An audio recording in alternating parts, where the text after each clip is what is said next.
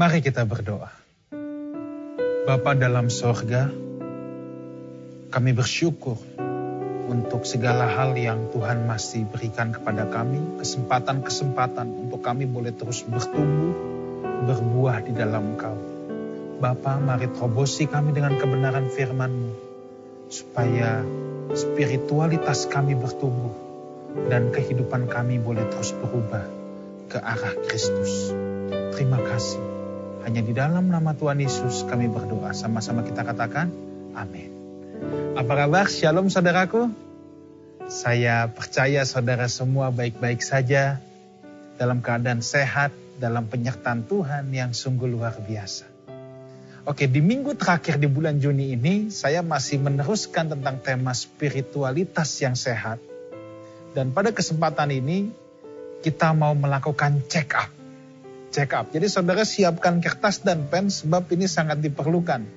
Nanti sambil mencatat khotbah, saudara di akhir khotbah saudara akan menghitung dan saudara akan tahu bagaimana kondisi spiritualitas saudara pada saat ini. Check up itu sangat penting saudara ya. Check up itu sangat penting.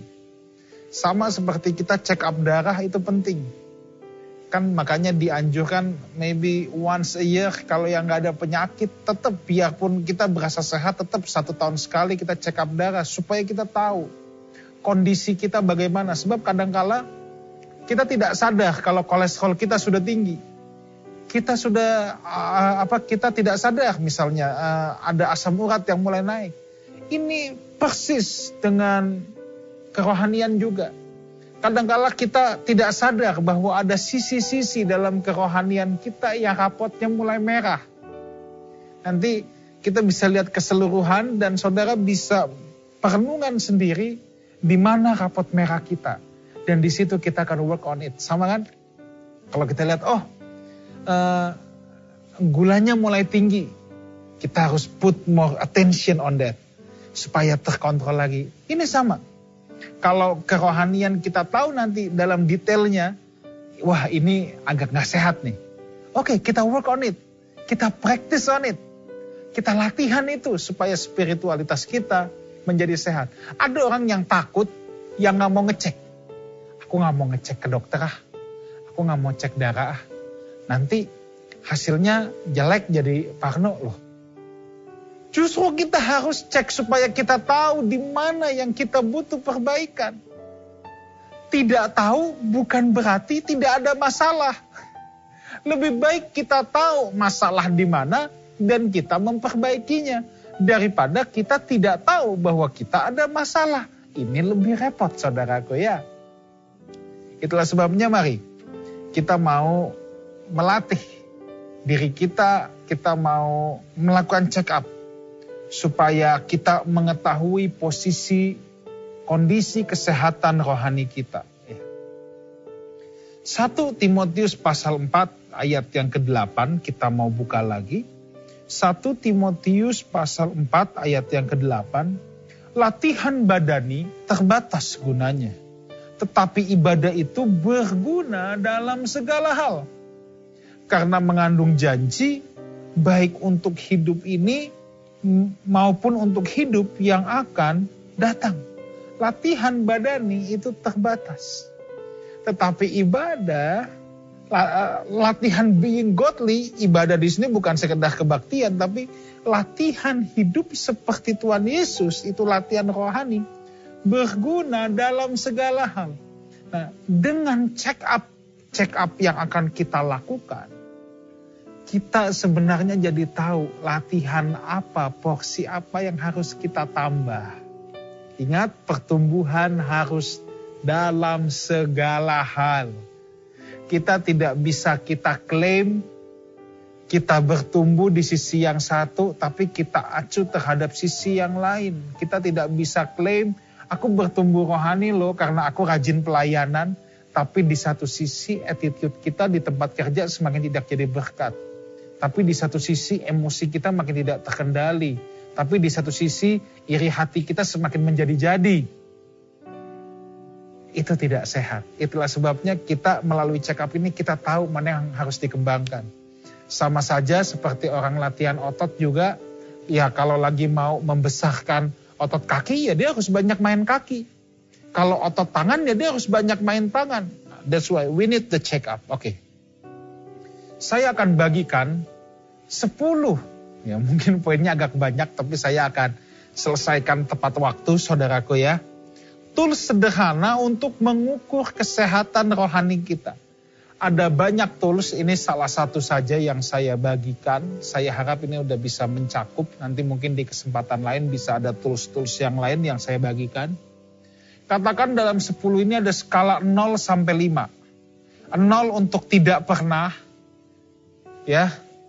Satu mungkin sangat jarang, dua jarang, tiga biasa saja, empat lumayan atau agak sering, lima hampir selalu. Saya tidak katakan selalu karena saya tahu tidak akan ada yang selalu, tapi ini hampir selalu. Lumayan sering. Tadi kalau empat, ya sering, ya sering atau lumayan, sorry. Kalau yang kelima, hampir selalu, ya lebih sering. Kita buka Alkitab kita, Roma 12, mulai dari ayat yang ke-9. Kita akan pelan-pelan, sebab tes ini saya ambil dari Roma 12 ayat 9 sampai 15. Kita akan mulai pada tes yang pertama. Roma 12 ayat yang ke-9. Hendaklah kasih itu jangan pura-pura. Stop dulu. Tes yang pertama. Apakah saya bertumbuh dalam kasih? Apakah saya bertumbuh dalam kasih? Kasih di sini adalah kemampuan kita untuk mengasihi orang yang tidak menyenangkan sekalipun. Atau kemampuan kita untuk mengasihi orang tanpa motif, tanpa syarat, tanpa mengharapkan timbal balik. Nah, ini saudara yang harus jawab sendiri. Ada banyak orang mengasihi orang karena dia mengharapkan timbal balik di belakangnya. Ada udang di balik bakwan. Tetapi apakah saya bertumbuh dalam kasih? Bagaimana sih kita kalau ketemu orang yang tidak menyenangkan? Bukan saya bilang harus menjilat-jilat.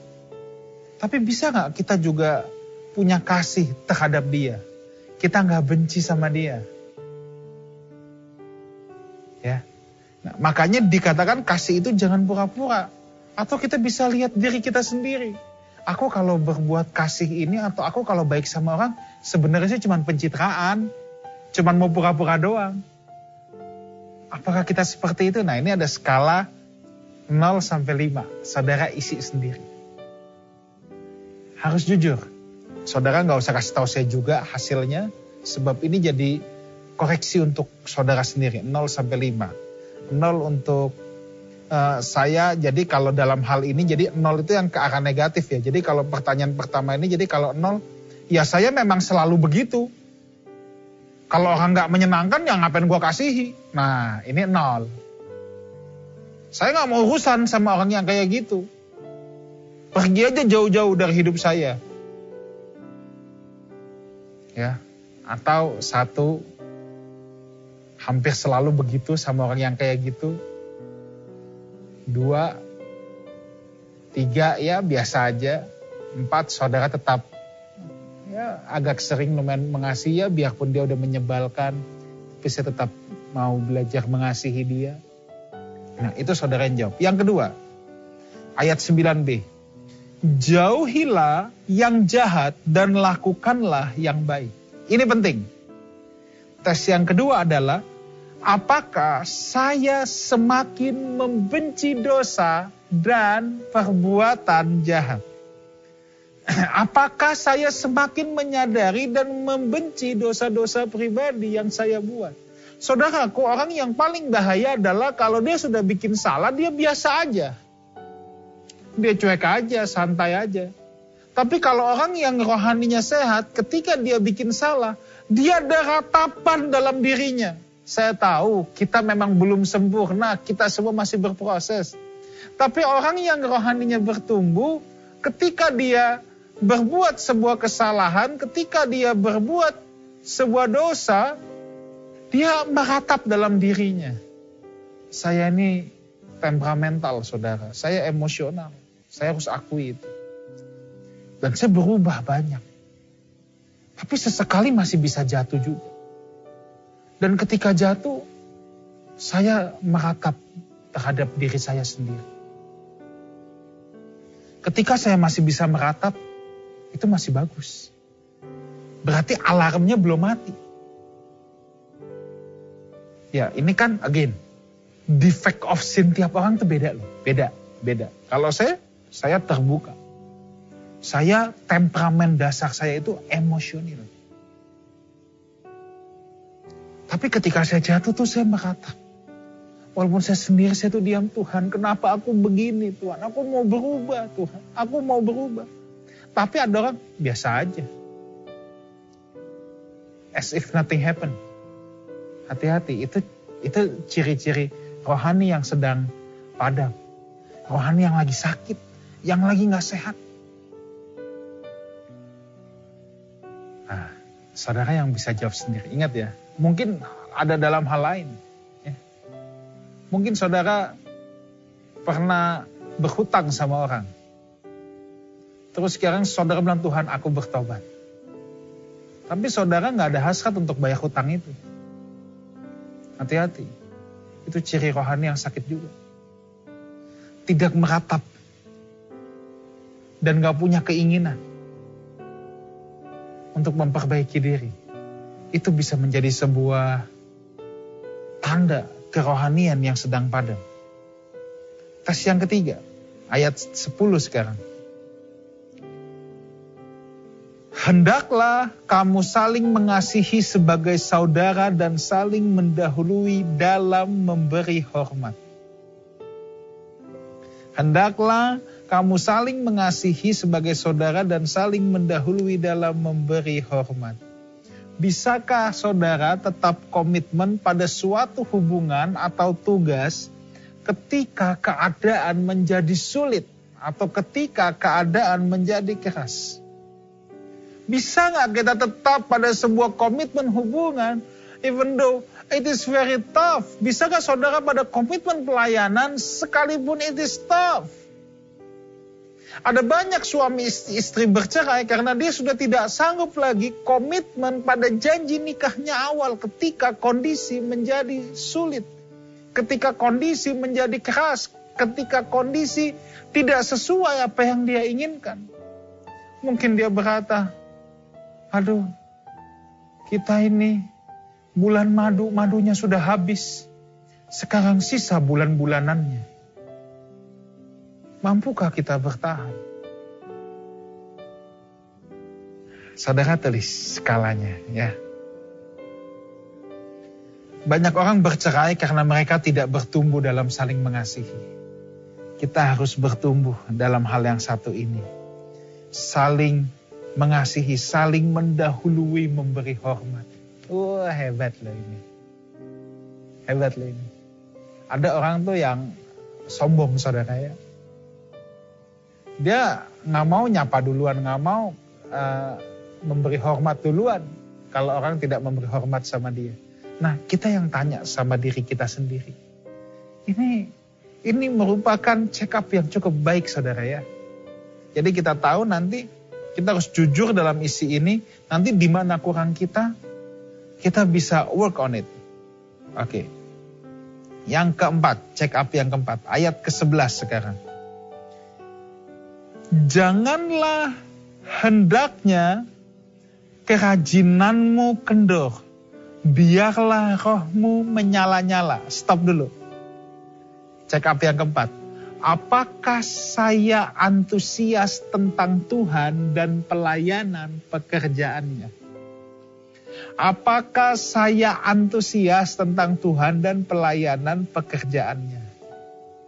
Saya mengerti saudara, kadangkala memang ada hal yang menyakitkan dalam pelayanan. Tapi saudara masih antusias gak?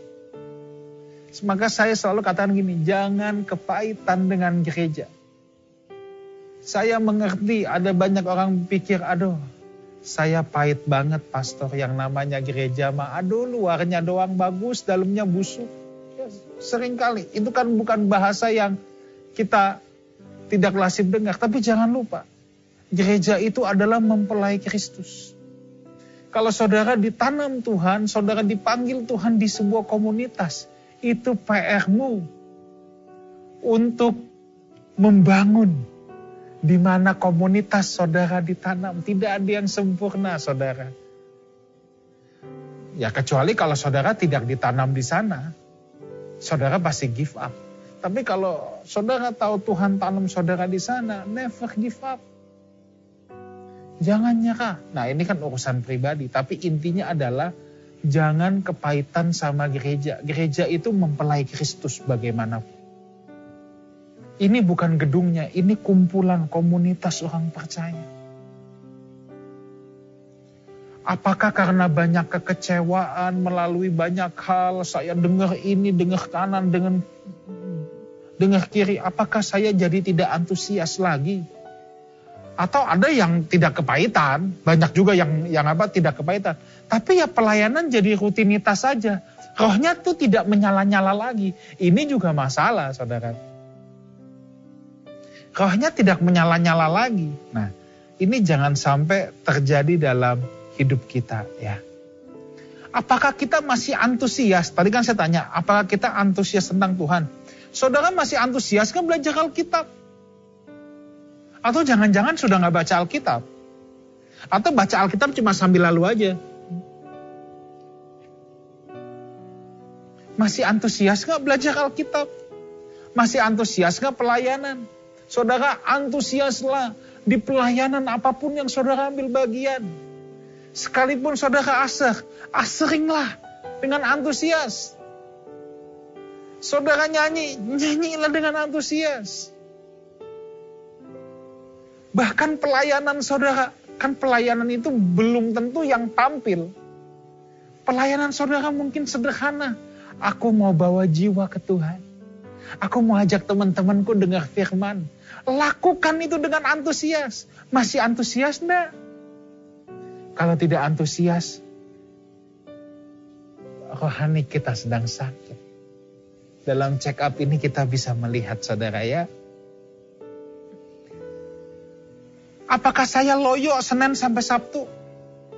Wah ini PSBB gini banyak banyak kesempatan untuk dengar firman. Ya, malam bisa ada IG live, saudara bisa mengikuti juga. Ya, Kamis ada live sale tayang di YouTube, Rabu malam saya pasti ada IG live. Setiap jam 8 malam kita punya banyak sarana tapi coba kita ingat-ingat kalau dalam keadaan normal, apakah saya Senin sampai Sabtu loyo, Minggu baru dicas lagi. Kekristenan itu tidak boleh kayak baterai handphone loh saudara. Apalagi dicasnya tunggu ke gereja. Saudara harus mencas dirimu sendiri. Harus antusias. Antusias berdoa. Antusias pelayanan. Antusias belajar Alkitab Apakah doa itu cuma jadi rutinitas doang? Apalagi cuma doa makan. Waduh. Makanya di sini janganlah hendaknya kerajinanmu kendor. Orang rajin atau malas itu keputusan. Saudara yang harus memutuskan. Aku tetap mau antusias belajar Alkitab. Aku tetap mau antusias pelayanan. Aku mau antusias berdoa. Apakah saudara masih rindu melihat orang-orang diselamatkan? Apakah saudara rindu berkomunitas atau berkomunitas untuk saudara itu sebagai suatu beban? Itu check up. Yang bisa memberikan indikasi apakah kerohanian kita sehat atau sakit, saudaraku. Ya. Ayat 11, tadi kan belum selesai kan? Janganlah hendaknya kerajinanmu kendor, biarlah rohmu menyala-nyala dan layanilah Tuhan. Pertanyaan check up kelima. Apakah saya menggunakan seluruh potensi saya, seluruh gift saya, seluruh kemampuan saya untuk melayani Tuhan, seluruh kelebihan saya untuk melayani Tuhan? Atau saya hanya gunakan itu untuk hobi saya, Untuk cari nafkah saya gunakan semua kelebihan saya. Tapi untuk melayani Tuhan, enggak deh, enggak usah. Saya selalu suka dengan slogannya, live full, die empty. Kalau saudara mau live to the fullest, hidup dalam kepenuhan, saudara harus menggunakan seluruh potensi yang ada pada diri saudara untuk melayani Tuhan. Jangan untuk hobi kita rela mengeluarkan apa pun, kita rela untuk melakukan apa pun untuk hobi. Untuk relax, untuk enjoy. Tapi untuk pelayanan gimana? Orang yang mengasihi Tuhan pasti juga mengasihi pekerjaannya. Orang yang mengasihi Tuhan pasti mengasihi pekerjaannya. Itulah sebabnya kita perlu meminta hikmat roh kudus. Saya bukan sedang minta uang saudara, bukan. Tetapi saya harus mengajar. Orang yang mengasihi Tuhan pasti benci dosa. Orang yang mengasihi Tuhan juga pasti mengasihi pekerjaan Tuhan. Saya tahu mungkin ada orang yang hidupnya betul-betul pas-pasan. It's okay. You punya tanggung jawab untuk keluarga, untuk anak-anak. Tapi kalau saudara punya kekuatan lebih, saudara harus mendukung misi, harus mendukung pekerjaan Tuhan. Ya. Jadi pertanyaannya apakah saya menggunakan seluruh potensi saya, kelebihan saya untuk melayani Tuhan? Ini bukan uang saja, tenaga, pikiran, ide. Untuk pekerjaan kita bisa putar otak. Gimana ya supaya dapat untung lebih banyak? Itu bagus. Bukan salah. Tapi untuk pekerjaan Tuhan gimana? Seperti yang saya pernah cerita mungkin. Dulu saya mau masuk sekolah Alkitab, saya saya ditentang. Nanti aja tunggu umur 60. Buset itu udah bau tanah. Justru di otak paling fresh. Saya harus berikan untuk Tuhan. Nah, ya. Jadi itu. Tes yang kelima tadi, apakah saya menggunakan seluruh potensi saya, kelebihan saya untuk melayani Tuhan? Mungkin bukan uang, mungkin tenaga, mungkin pikiran, mungkin kreativitas, apa pun itu. Tes yang keenam, ayat 12. Bersukacitalah dalam pengharapan, sabarlah dalam kesesakan, dan bertekunlah dalam doa tes yang keenam, apakah saya memiliki kehidupan doa yang konsisten? Coba jujur tanya sama diri saudara sendiri, saudara masih percaya gak sih sama kuasa doa? Atau saudara udah gak percaya bahwa doa itu punya kuasa? Tanya sama diri saudara sendiri jujur, apakah saya doa cuma sebuah rutinitas atau kebiasaan? Atau saya punya rasa ketergantungan. Makanya ada kalimat gini, doa adalah nafas kehidupan. Artinya apa? Tanpa doa saya nggak bisa hidup. Saya tergantung. Sama doa saya harus berdoa karena memang tanpa doa saya nggak bisa hidup. Nah apakah itu ada dalam diri kita? Atau doa hanya rutinitas? Ya. Lalu dalam talian tes yang keenam ini, apakah saya sudah tidak berdoa untuk orang lain? dalam doa-doa kita, kita berdoa enggak untuk orang lain? Atau doa kita hanya untuk diri sendiri? Nah, itu saudara yang jawab. Tes yang ketujuh. Tes yang ketujuh sekarang. Ayat 13. Bantulah dalam kekurangan orang-orang kudus dan usahakanlah dirimu untuk selalu memberikan tumpangan. Tes yang ketujuh Apakah saya sudah bermurah hati dengan berkat yang Allah sudah berikan dalam hidup saya? Apakah saya sudah bermurah hati atas berkat Tuhan yang Tuhan berikan dalam hidup saya? Share your resources. Bagikan itu. Tadi saya bilang slogan live full, die empty. Saudara, saya selalu memegang slogan ini dalam hidup saya. Ketika saya hidup, saya harus hidup dalam kepenuhan.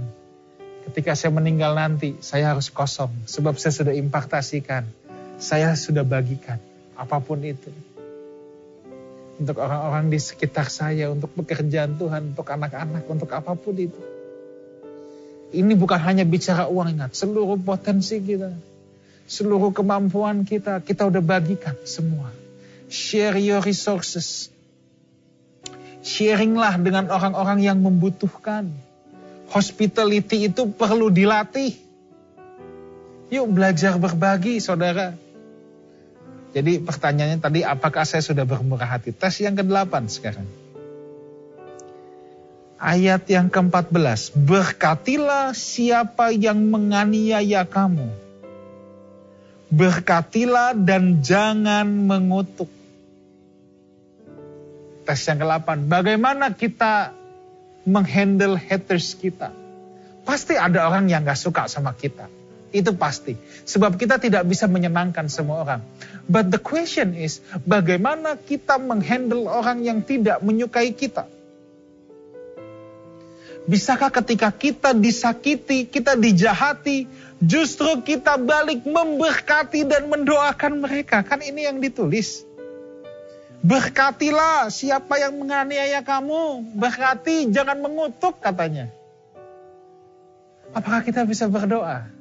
untuk orang yang jahat sama kita. Atau seperti yang saya pernah katakan, kepada orang yang membenci kita justru kita berdoanya suruh Tuhan yang berkelahi. Tuhan, habiskan dia Tuhan, dia kurang ajar. Dia nggak tahu aku ini biji mata Allah. dia ngusik aku, dia usik biji mata Tuhan.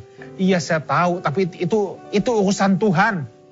Urusan kita mendoakan, memberkati. Nggak usah ingetin Tuhan, Tuhan nggak pikun. Jangan doanya bukannya memberkati orang yang membenci kita, malah doa kita, Tuhan aku biji matamu. Dia usik-usik aku Tuhan. Wah dia berani nyolok biji mata Tuhan. Emang kurang ajar dia. Jadi ngomporin Tuhan. Atau enggak suruh Tuhan yang berkelahi. Tuhan habisi dia Tuhan. Patahkan kakinya. Waduh. Jangan begitu saudara ya. Yuk kita belajar do something good. Jangan balas dendam. Tahukah saudara, dendam itu ibarat kita menyimpan bau busuk dalam hidup kita. Orang jahatin kita nih. Perbuatan jahat itu kan sampah saudara. Orang bikin sampah. Terus sampahnya yang kita simpan dalam hidup kita. Itulah gambaran orang yang nggak mau mengampuni. Itulah gambaran orang yang punya dendam. Kadang-kala kita dilukai, kadang-kadang kita disakiti. Saya pernah dijahati orang, saudara. Jahati habis-habisan. Sampai saya merenung Tuhan ajar saya satu hal ini. Kalau kamu dendam, kamu simpen sampah itu dalam dirimu. Kalau kamu dendam, kamu simpen bau busuk itu dalam dirimu.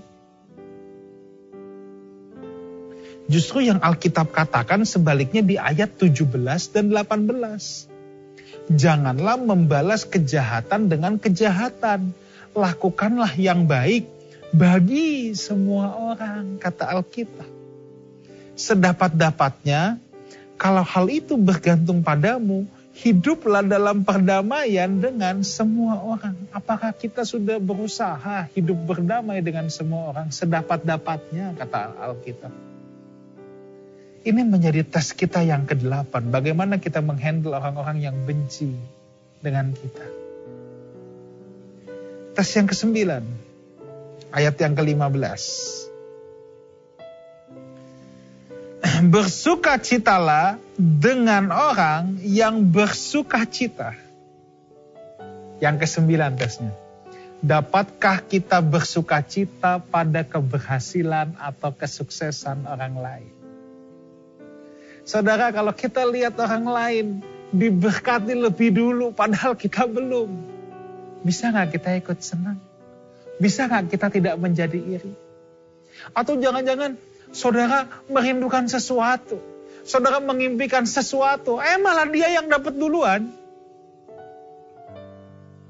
Bisakah kita bersuka cita sama orang yang bersuka cita? Manusia duniawi biasanya tidak senang melihat kesuksesan orang lain. Manusia duniawi biasanya tidak senang kalau lihat orang lain maju. Senang sih pastor kalau ngeliat orang lain maju, tapi jangan lebih maju dari aku dong. Kalau yang parah udah sendiri maju, ngeliat orang lain maju dikit aja dia, uh ngapain sih ikut-ikutan maju, wah ini lebih parah lagi. Ada yang lebih mild, lebih lembut. Seneng sih lihat orang lain bersuka cita maju, tapi jangan lebih maju dari gue ya. Saya harus selalu di depan, kamu di belakang aja.